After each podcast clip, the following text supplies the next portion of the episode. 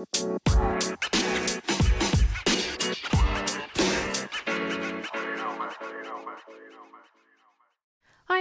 mijn naam is Janneke en welkom bij mijn Positief met Pubers podcast. De podcast waarin ik elke week vragen van ouders beantwoord over het opvoeden van pubers. Iets wat ik geweldig vind en waar ik gewoon heel blij van word. Ik denk graag met je mee, geef je concrete suggesties die je direct kan toepassen in jouw situatie. Mijn doel met deze podcast is jou te inspireren en te triggeren om anders te gaan kijken naar je puber, anders te gaan praten tegen je puber en anders om te gaan met puberproblemen. Heb je zelf een keer een vraag of een suggestie? Ze zijn altijd welkom. Je kan me vinden op Instagram op Janneke underscore, je pubercoach, of stuur mij een mailtje via info.conductien.nl. Nou, gaan gauw naar de podcast, aflevering van vandaag. Veel luisterplezier. Lieve groet. Hey hey, super tof dat je weer luistert naar een nieuwe aflevering van de Positief met Pubers podcast.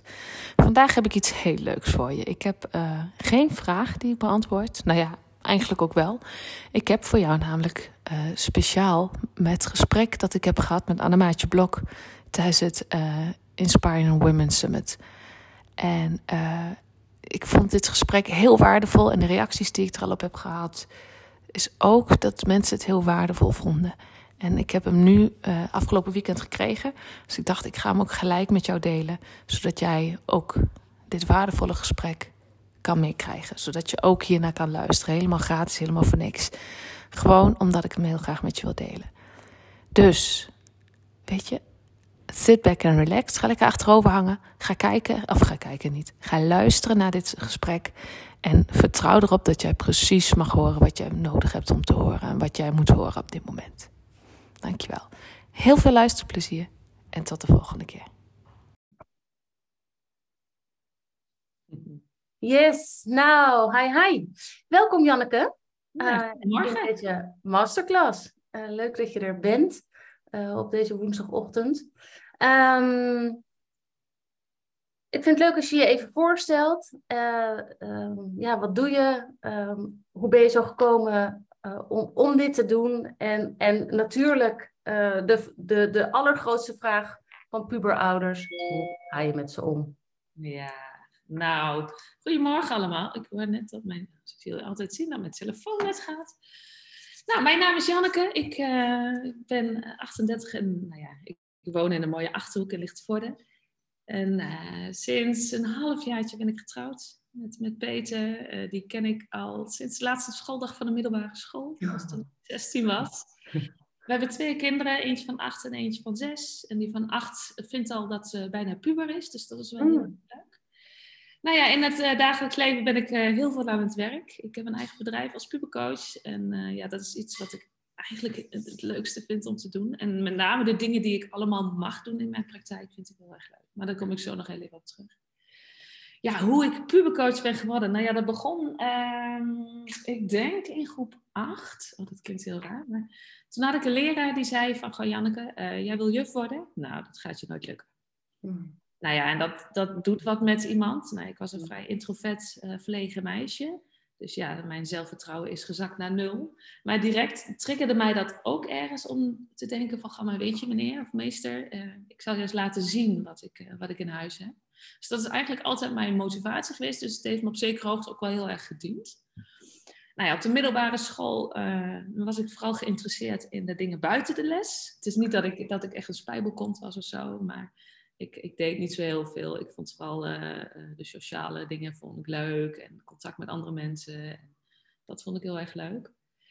En uh, nou ja, een heel of een heel belangrijk moment, een heel verdrietig moment is het begin van de tweede klas geweest, toen mijn, of mijn derde klas, excuus, toen mijn vader overleed.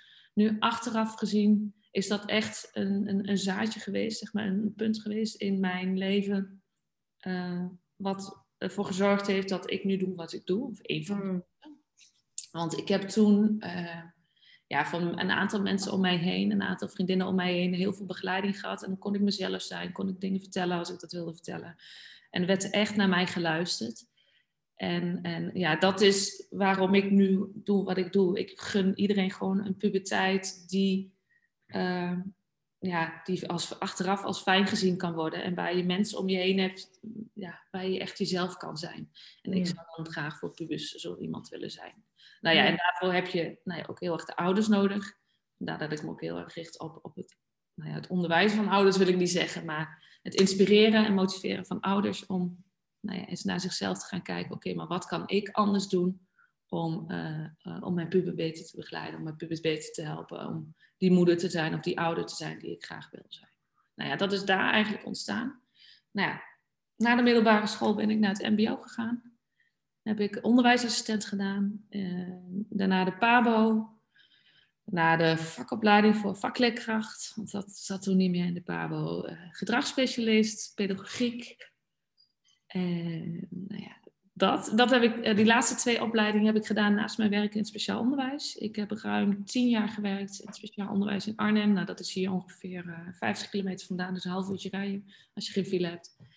En daar, eh, ja, weet je, daar heb ik gewoon mij kunnen ontwikkelen tot, eh, tot de persoon nou ja, die ik was toen ik daar wegging. In de zin van eh, de ondernemer, de pubercoach, de basis voor het zijn van de pubercoach. Waarvan ik dacht, weet je, nu heb ik voldoende basis. En ja, dat is een hele mooie reis geweest. Waar ik eh, veel in het laatste stadium, de laatste paar jaar dat ik daar werkte, vooral ouders en eh, leerlingen heb begeleid die eh, langdurig verzuim hebben gehad om allerlei redenen, psychisch, psychische redenen, psychiatrische redenen, ziekte, eh, die kant. En, en dan samen met ouders, samen met leerlingen en met school gaan kijken, oké, maar wat heb jij nodig om zo normaal mogelijk onderwijs te kunnen volgen?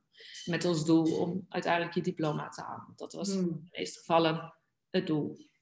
En dat doe ik nu eigenlijk nog steeds, maar nu voor, eh, voor het samenwerkingsverband hier word ik ingehuurd en daar, ge- daar begeleid ik leerlingen op twee scholen. Ehm, met name de, de, de, eh, fysiek en meervoudig beperkte leerlingen.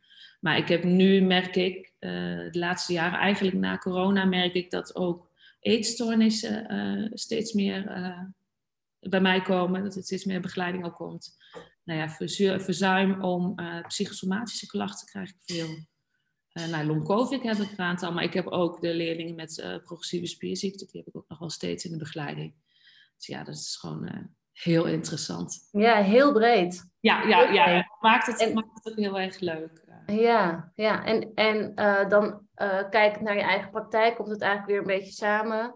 In eh, ook, ook kinderen met, met, met een beperking? Of, of in, in je praktijk meer gewoon de, de, de huistuin- en keukenpuber? Als ik het heel plat Ja, heb nou ja, weet je, de- wat vooral in mijn praktijk komt, zijn de pubers die, die net even een zetje in de rug nodig hebben. Die eh, Ja. hebben meegemaakt, iets kleins of een iets groots. Nou ja, maakt Ja. niet uit.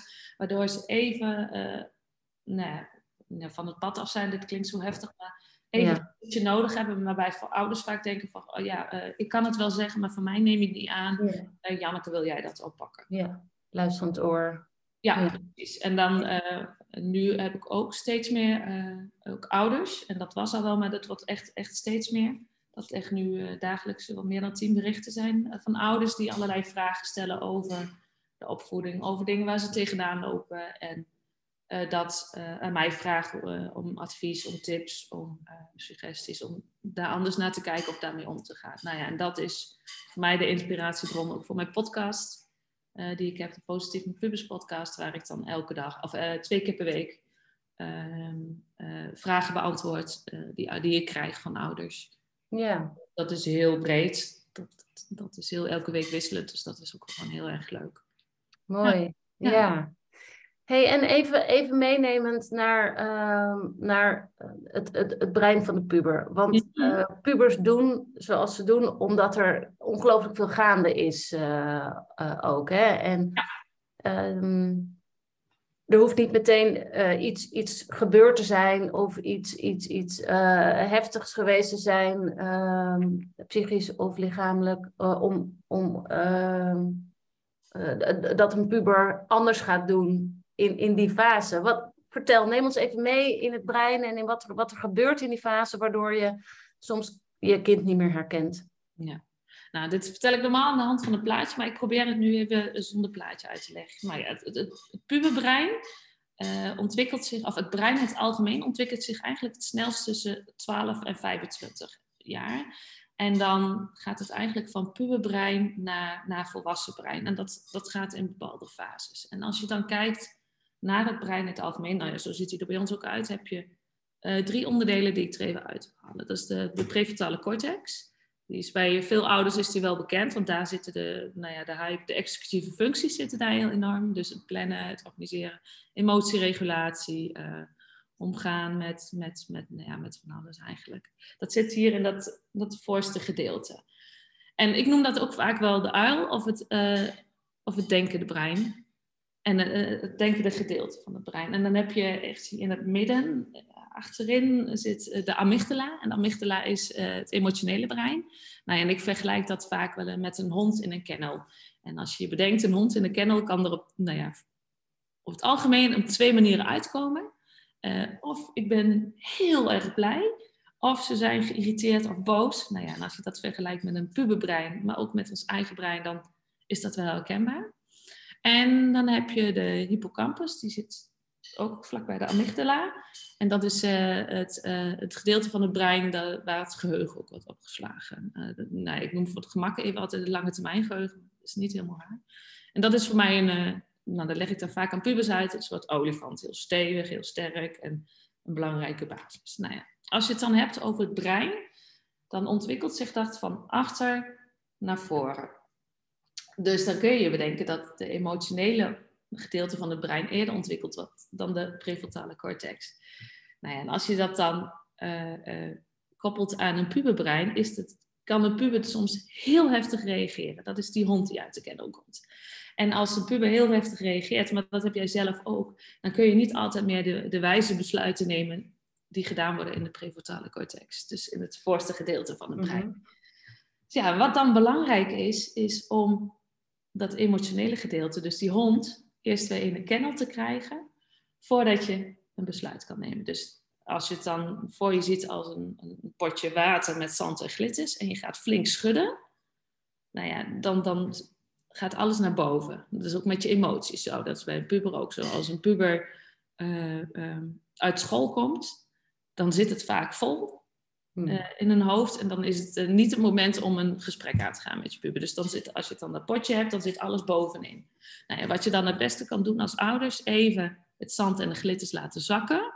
Dus de hond weer in de kennel te laten, voordat je je puber aanspreekt nou ja, dat, dat merk, weet je ook van jezelf misschien wel. Wanneer jij hoog in je emotie zit, dan, uh, dan kun je niet altijd de beslissingen nemen of de keuzes maken die je zal maken als je in rust bent. Dus dat is gewoon heel erg belangrijk voor jou als ouder. Uh, zorg ervoor dat je zelf rustig bent als je je puber aanspreekt. Maar zorg er ook voor dat je het idee hebt dat je puber rustig is. Dus als je net in een verhitte discussie zit, dan moet je niet van alles aan je puber gaan vragen. Want dan krijg je waarschijnlijk niet het antwoord dat je wil. En vaak nog het antwoord waarvan je puber, uh, of een, boze reactie. Iets wat je niet wil. Dus als je het dan hebt over de communicatie in het brein van de puber, dan werken die drie hersenhelften werken dan nog niet zo goed samen. En de, de uil, zeg maar, het voorste gedeelte van het brein, kan nog niet altijd de beslissingen nemen, omdat de emotie nog niet onder controle is. En dat is wat, wat er heel vaak gebeurt in het puberbrein. Dus dat is ook de reden waarom je puber in één keer heel vrolijk kan zijn bij je vrienden en super zagrijnig als, als jij ook maar één ding vraagt. En dat heeft dus daarmee te maken. En, en tot op een zekere hoogte ja, kan de puber daar nog niks aan doen. Dat is aan jou als ouder om daarmee te leren omgaan, om dat in te gaan zien en te begrijpen. En vanuit daar te gaan kijken, oké, maar, maar wat, wat heb jij nu nodig? Al is dat even dat het de zand en de glitters gaan zakken in het potje. Dus de emoties even zakken voordat ik je aanspreek. Nou, dan doe ik dat. Ja, ik, maar ik kan me ook wel voorstellen dat je, uh, dat je, dat je als, nou, uh, even als moeder, um, ook wel enorm getriggerd wordt door dat gedrag. Ja. Hè, het, er, er, er speelt misschien wel iets wat je herkent vanuit vroeger, hè, dat, die, die, die onmacht, maar het, het, ja, dat, daar, daarop um, hoor ik ook veel van, van vrouwen waar ik mee werk. Weet je, ik heb, ik heb het af en toe gewoon niet in de hand. Dan, dan komen ze thuis en hebben ze een energie. En ja, ik wil daar ook wat mee. Ik laat dat ook niet allemaal maar over me heen komen. Ik wil, ik wil daarin ook, ja, weet je, ze komen ook in mijn huis en, en of met heel veel vrienden, of ze gaan tosti's lopen bakken en, en alles laten ze achter. En weet je, ik irriteer me ook gewoon aan ze. Hoe kan je daarin, ja, is de lieve vrede, maar hoe kan je daarin ook zorgen dat, je, dat, dat die twee personen, jij als moeder en je puber, daarin ook uh, respectvol met elkaar kunnen omgaan? Ja, ja, interessant en mooi. Uh, nou ja, wat, wat ik dan vaak tegen ouders zeg is, weet je, op het moment dat je puber thuis komt, uh, alleen of met vrienden, dan kun je heel veel aan, aan het gedrag en aan de houding kun je al heel veel zien. Van de manier waarop ze binnenkomen kun je al merken van oké, hmm, ik moet even wat vragen of ik moet het even laten.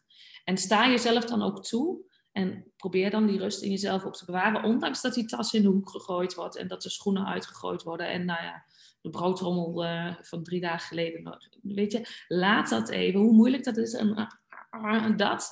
Maar ik zou dat dan op dat moment vooral even laten. En op, op het moment dat ze weer rustig zijn, dus dat ze even geland zijn of ontprikkeld zijn, hoe je het ook wil noemen, dat je dan even aangaat. Goh, weet je, hoe was je dag? Of als je dat graag wil weten.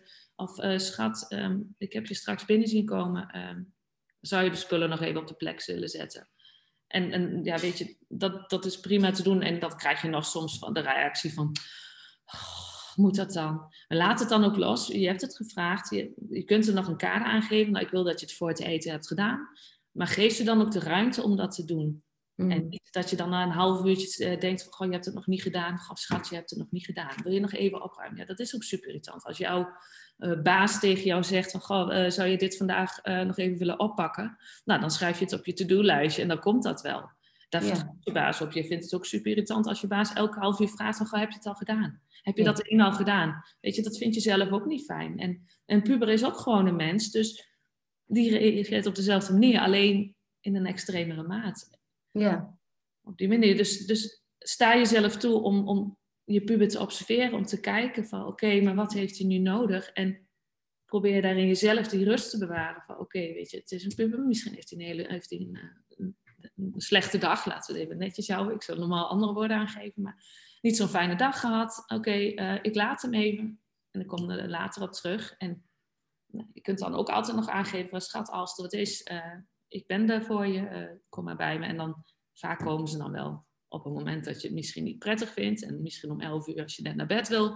Maar vaak als het echt wat is en ze willen het met je delen, dan komen ze wel. Ja, ja. ja dus, dus, sorry. Ja? Nee, dus daarin jezelf gewoon even, even toestaan en jezelf in de spiegel aankijken. Oké, maar wat zou ik fijn vinden in deze situatie? En ik ken mijn kind, uh, die ken je goed genoeg, neem ik aan. En uh, kijk dan even, ja, wat, wat wenselijk is op dat moment. Ja, ja, ja. Ja, en, en maar uh, dus, dus uh, meer gaan kijken naar je, naar je kind, hè, van wat, wat, uh, wat, wat speelt er en af en toe even um, tanden op elkaar, lippen op elkaar, ja. om niet te zeggen wat er meteen bij jou speelt. Hè, dus dat ook los van elkaar koppelen. Nu is het natuurlijk ook zo dat je, dat je als, als moeder in eerste instantie kinderen hebt gehad waar je heel erg de regie over had. Uh, van kleins af aan heb je ze gepamperd en, en te eten gegeven, alles gedaan. En opeens gaan ze naar de middelbare school, ze gaan uh, naar de McDonald's. Hè. Dan was je zo'n bewuste ouder die alles daarin goed wilde doen voor je kind. En ineens gaan ze naar de McDonald's, hebben ze zakken snoep in hun tas. Uh, uh, doen ze waar ze zin in hebben. En, en, en ben je ook die regie mhm. kwijt. Daarnaast uh, uh, ja, laten ze hun gedrag zien, wat ook niet voor jou altijd even prettig is. Um, hoe ga je daarmee om, met dat stukje echt loslaten? Heb je daar tips voor om, om, om daarin ja, een beetje het gevoel te hebben? Want weet je, ik, ik doe het als moeder ook nog wel goed en dit en dit en dit. Um, ja, hoort gewoon bij hen. Ja. Ja, ik had daar van de week toevallig een heel mooi gesprek over met een, uh, met een voedingsdeskundige. En die zegt, en ik had een, een post geplaatst over uh, wanneer je puber thuis komt, geef ze eten en laat ze even met rust. Ja. En toen zei ze van, ja, ja, weet je, geef ze, zorg ook dat, nou ja, wat lekkers in huis is natuurlijk, maar zorg ook dat voor, meer verantwoord voedsel in huis is voor ze. Nou ja, en dat is ook logisch. En het is aan ons als ouders om dat gesprek met ze aan te gaan. Gewoon, lieve schat, ik snap dat je af en toe naar de McDonald's wil. Maar oké, kijk voor jezelf ook. Uh, natuurlijk is het lekker, maar is het ook gezond, weet je. Een puber die, die overziet dat dus niet. En ik snap dat, weet je. Dan pak, denk je die na over, goh, is dit gezond of is dit niet gezond, weet je.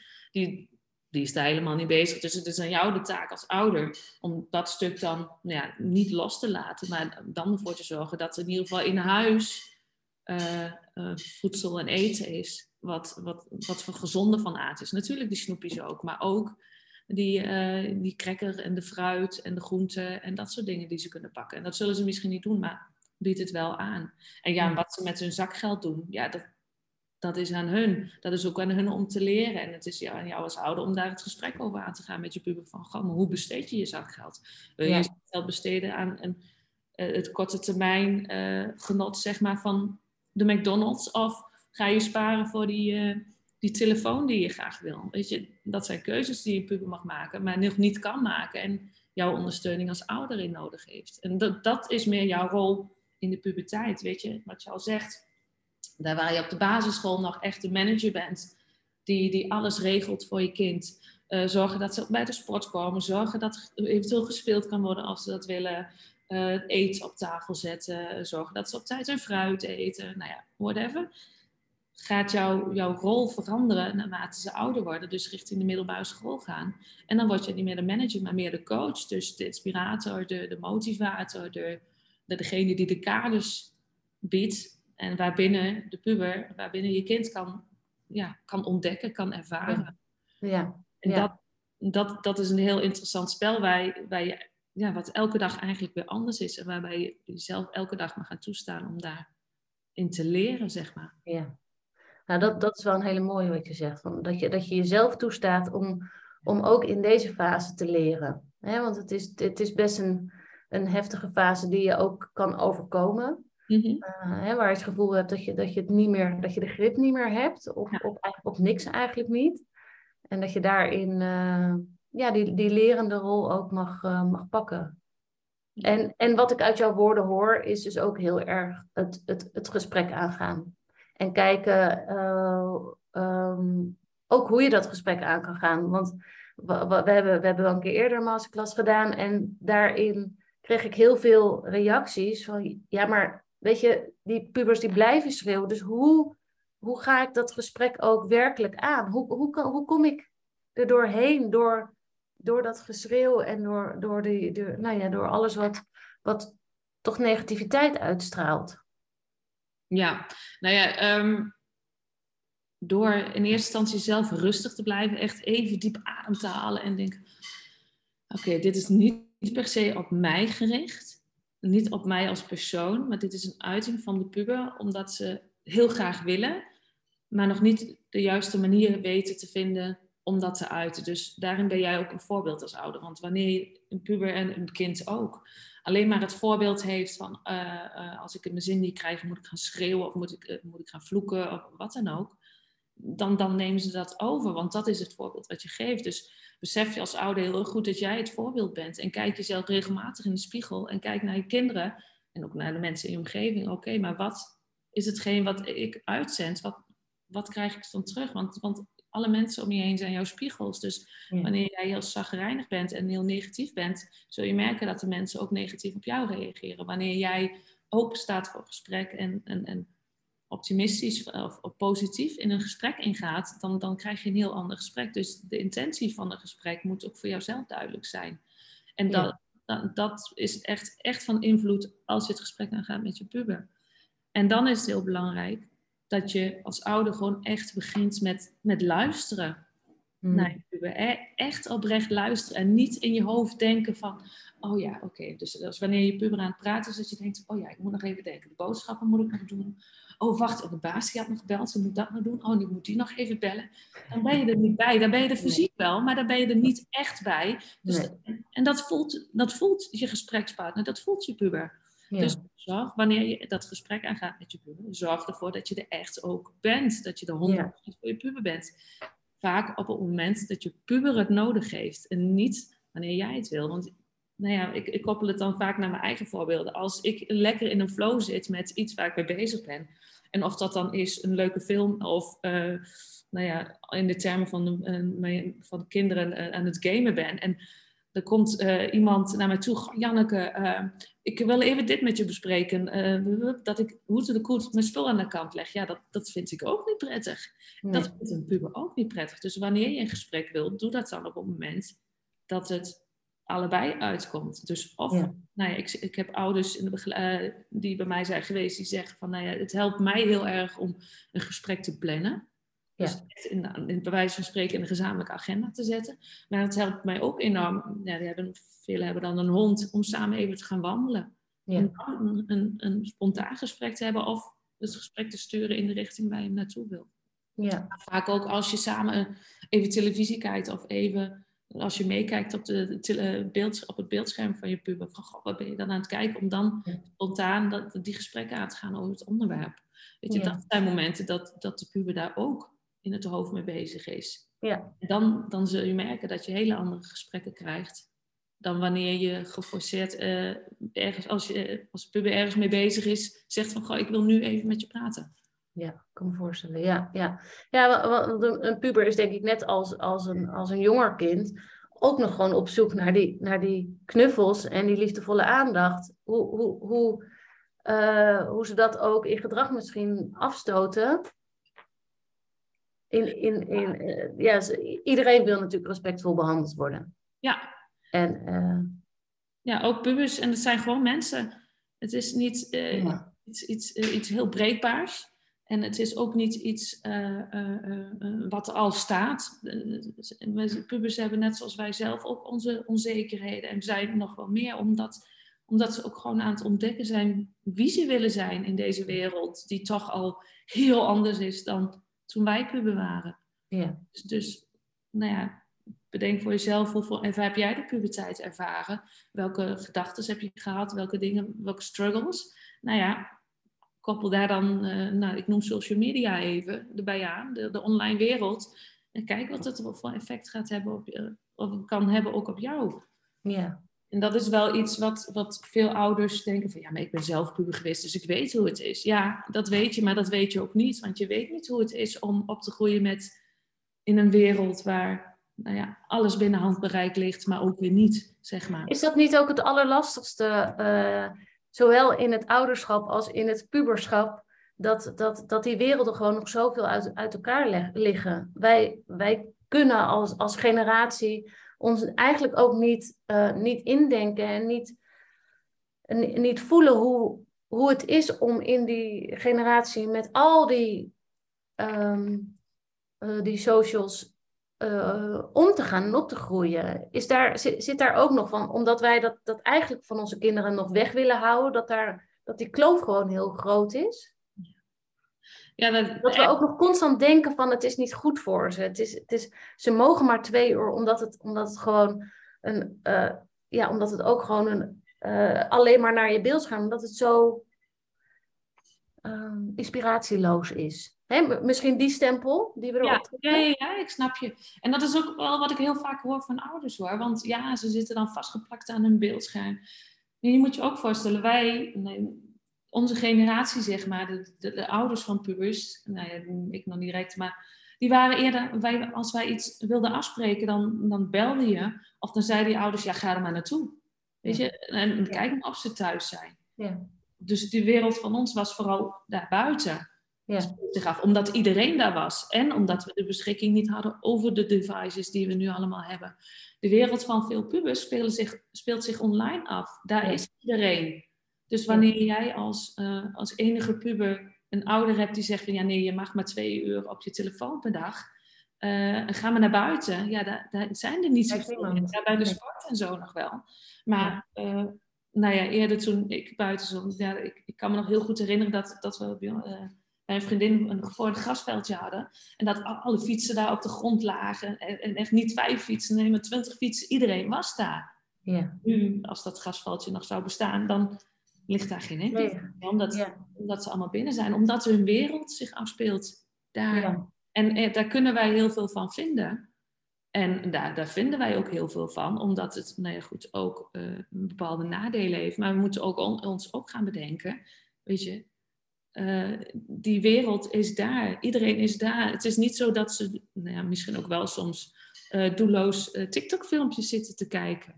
Ze zijn daar ook via Snap zijn ze in interactie met elkaar. En niet op een manier die, die, die wij misschien prettig vinden, maar die wel van deze tijd is, zeg maar. Dus ik, ik keur erin niet alles goed. En, en, en in gesprek met pubers hoor ik ook heel vaak van ja, dan, dan zit ik even op TikTok en voor ik het weet ben ik een uur verder. Ja, dat, maar dat heb ik ook. Als ik ja. leiding kom om even Nou ja, op Instagram een feed te kijken, ja, voor ik het weet ben ik een half uur verder dat ik denk van, oh shit, ja, stom, niet moeten doen.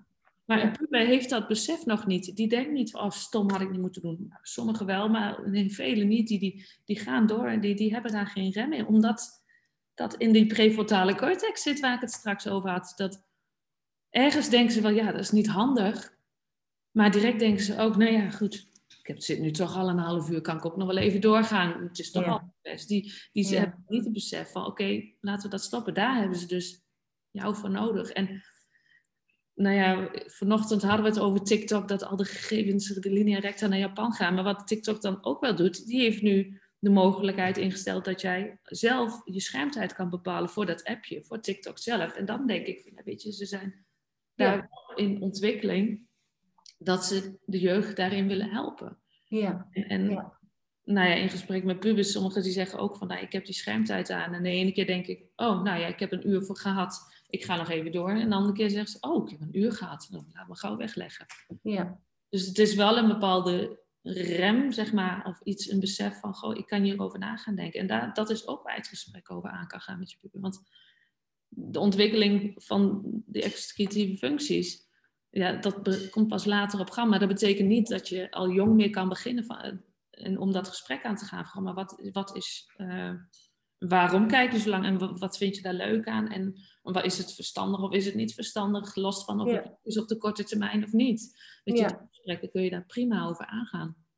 Ja, en, en dus ook uh, als je het over executieve functies hebt, dat je daar uh, altijd een woord om over te struikelen. Ja. Dat, je, dat je je pubers daar ook in helpt om, om, om te plannen en te kijken hoe deel je je tijd in, uh, hoe, hoe zorg je ervoor dat, ja, dat, je, dat je eigenlijk eerst doet wat, voor jou ook nodig is, een goed gevoel geeft, je huiswerk maken en, en daarmee um, lekker op school komen.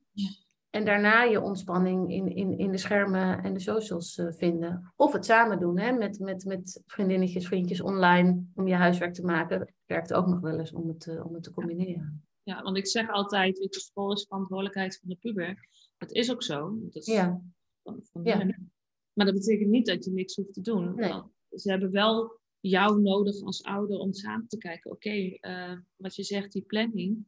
Ja, je kunt, uh, dat gesprek had ik gisteren nog met een puber, een meisje die, die op zondag een, een, basisplanning voor haarzelf maakt, die echt in die controle en die structuur zit, want dat heeft ze nodig, anders schiet de stress naar de kop. Dus dat is wel heel knap dat ze zichzelf, ja.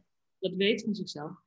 Maar ze, eh, we spraken in begin november begint dan de toetsweek en dan had ze dan nu al wel wat stress van. Ik zei, nou ja, die week ervoor heb je herfstvakantie ik zeg, wat zou ik dan kunnen doen? Ja, vorig jaar ging ik altijd smiddags leren. Ik zeg, ja, maar is dat, nu erop terugkijken, is dat een verstandige keuze? Ik zeg, mij maakt het niet.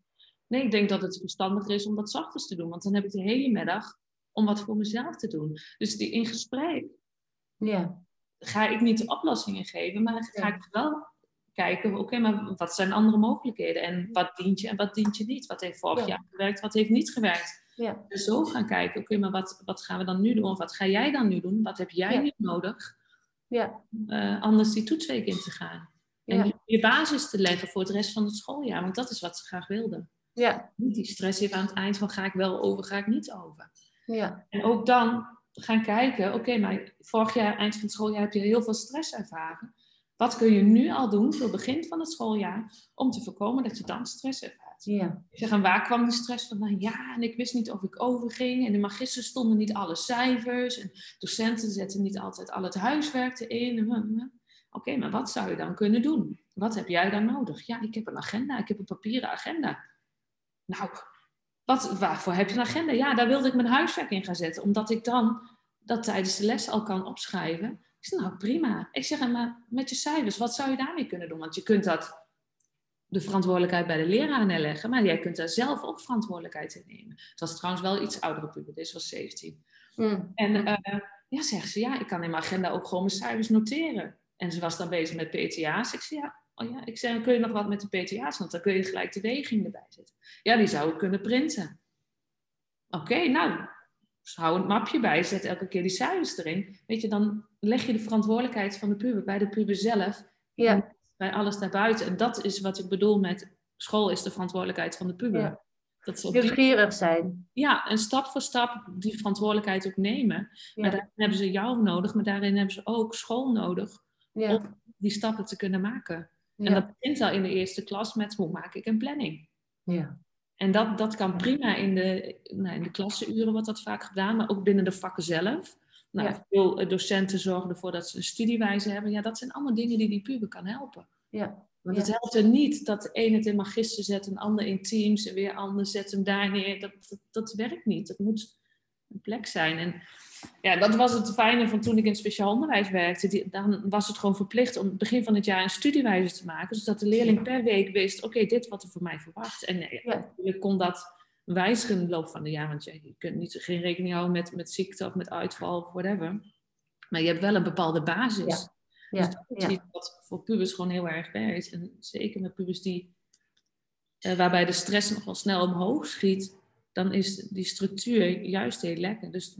Ja, en heel veel scholen hebben dat, hè? Dus, uh, dus daar kan je als ouder ook nog uh, naar vragen. Van, van hebben jullie een, uh, een, studiewijzer? Want, want over het algemeen heeft elke school dat. Ja, dus gelukkig wel. Iets meer ook. ook om, ja.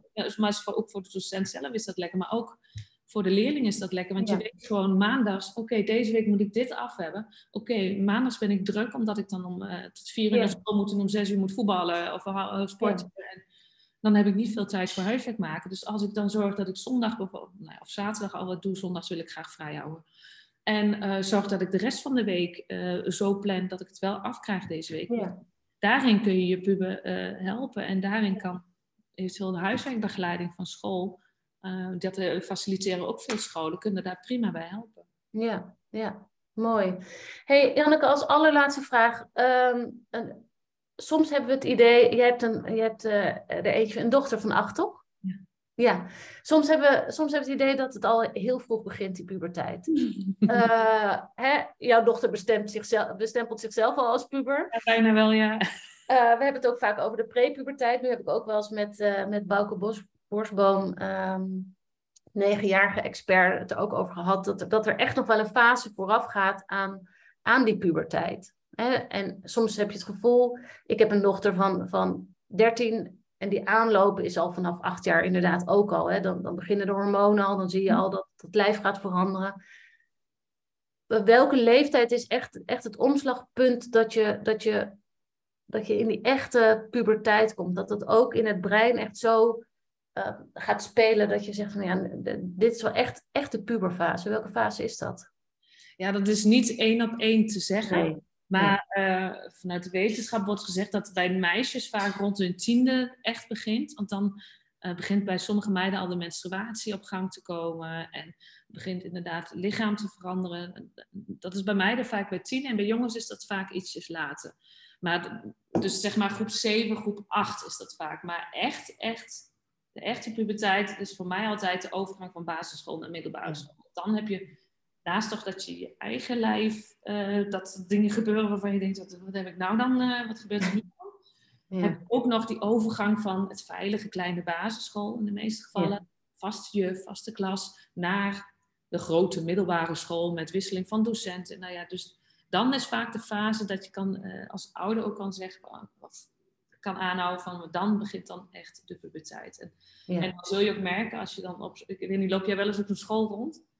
Ja. dat je dan uh, echt in het begin van het schooljaar, dan zie je, zie je al die kleintjes met van die grote ja. klassen.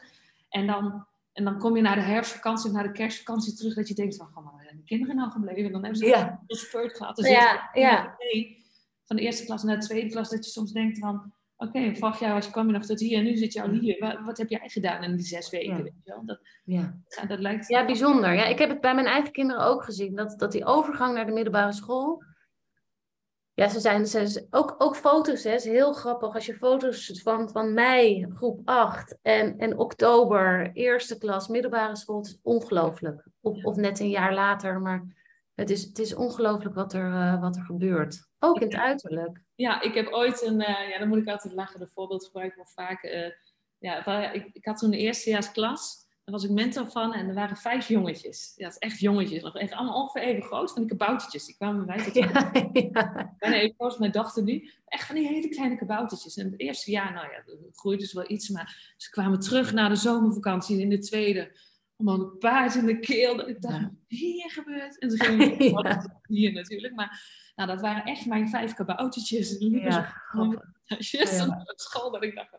Ja, maar die kwamen echt als jongetjes binnen. En na een jaar was het, waren het echt, echt pubers. Dat ik dacht, ja. wauw, veranderde. En dat ik dacht, jeetje, ja. dat gaat zo snel. Dus dat is echt rond 12, 12, ja. 10 bij de meesten. Dat, het, dat ze echt die groeispurt krijgen. En ja. Nou, ze zeggen vanuit de wetenschap zeggen ze vanaf 10 ongeveer. En dan heb je die prepuberteit inderdaad. Die, uh, die vind ik wat minder leuk, want dan boksen ze overal tegenaan voor mijn gevoel. Ja, uh, dat gaat is... ook nog wel even door, want wanneer groeien ze er ongeveer uit? De puberteit? Ja. Ja, ligt er een beetje aan, weet je. Dus sommigen die gaan er heel snel doorheen en daar heb je weinig last van, ja. last van, zeg maar. En de ander die, nou ja, dan denk je, zijn ze 25 en dan zijn ze er nog niet uit. Maar het brein, wat ik straks al zei, het brein ontwikkelt naar volwassen brein, is, houden ze meestal rond de 25 levensjaar. Ja. Ja. Als, je, als je kind uh, op een twintigste dan niet echt een kei is in plannen, dan uh, neem hem, want dan is dat nog niet... Uh, niet helemaal, helemaal uitge, uitgegroeid. nog ja, ja. worden, zeg maar. Dat hoeven we niet alles goed te kennen natuurlijk. Nee. Ja. Mooi, fijn om, om zo even een heel kort beeld te krijgen van hoe wij, hoe wij als, um, als moeder ook naar, naar onze puber kunnen kijken. Hey, en jij hebt ook iets wat, wat, wat we al bij jou kunnen, een, een weggever of iets waar, waar we je, je nog iets beter leren kennen? Heb je iets wat, wat, je, wat we zo bij je kunnen meepikken? meepikken? ja, ik heb uh, vorig jaar, eind vorig jaar een boek geschreven, of nou ja, een boek uitgebracht, Help puberproblemen.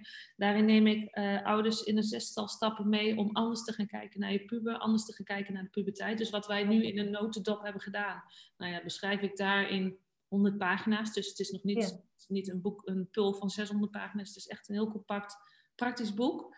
En uh, als weggever heb ik, uh, uh, als het goed is, jou een linkje gestuurd van, van het eerste hoofdstuk. Die, Mooi. die ze mogen kunnen downloaden en ja. mogen lezen. Ja, ja. supermooi. Nou, die komt ook op de, op de site te staan. Mooi. boek kunnen we kopen. Via www.helppuberproblemen.nl en uh, nou ja, voor degenen die mij nog niet volgen op Instagram, uh, ik ben ook op Instagram zeer actief, waar ik ook eigenlijk dagelijks, nou in ieder geval elke werkdag, inspiratie deel en geintjes, humor, nou ja, alle kanten van, van hoe een puber uh, leven ook ervaart, zeg maar. En daarin kun je ook de link naar mijn bio vinden. Oh ja, dan moet ik natuurlijk wel mijn naam zeggen. Ja. Dat is Janneke Terbille, underscore uh, pubercoach. Maar als je zoekt uh, in de zoekbalk op pubercoach, dan vind je me heel snel. Dan sta ik Hartstikke mooi. Nou, en, en lukt het echt niet, uh, dan, dan kunnen ze via mij ook ehm, komen ze er vast. Ja, precies. Hartstikke fijn. Nou, dank voor deze ochtend en voor deze mooie woorden van jou. En um, dan, nou, hebben we op een ander moment uh, wel weer contact. En, ja, nou ja, dankjewel dat ik hier mocht zijn. Ja, oké. Okay. Nou ja, ik ga helemaal aan als ik mag praten over pubus en de ontwikkeling van pubus. En ja. Dus dan, ja, ik, ik kijk al, we zijn nog alweer drie kwartier aan het praten. Ja, de tijd vliegt. Snel. Dus dat yes. vind ik gewoon heel erg leuk. Dus. Leuk. Nou, dankjewel. Ja, graag gedaan.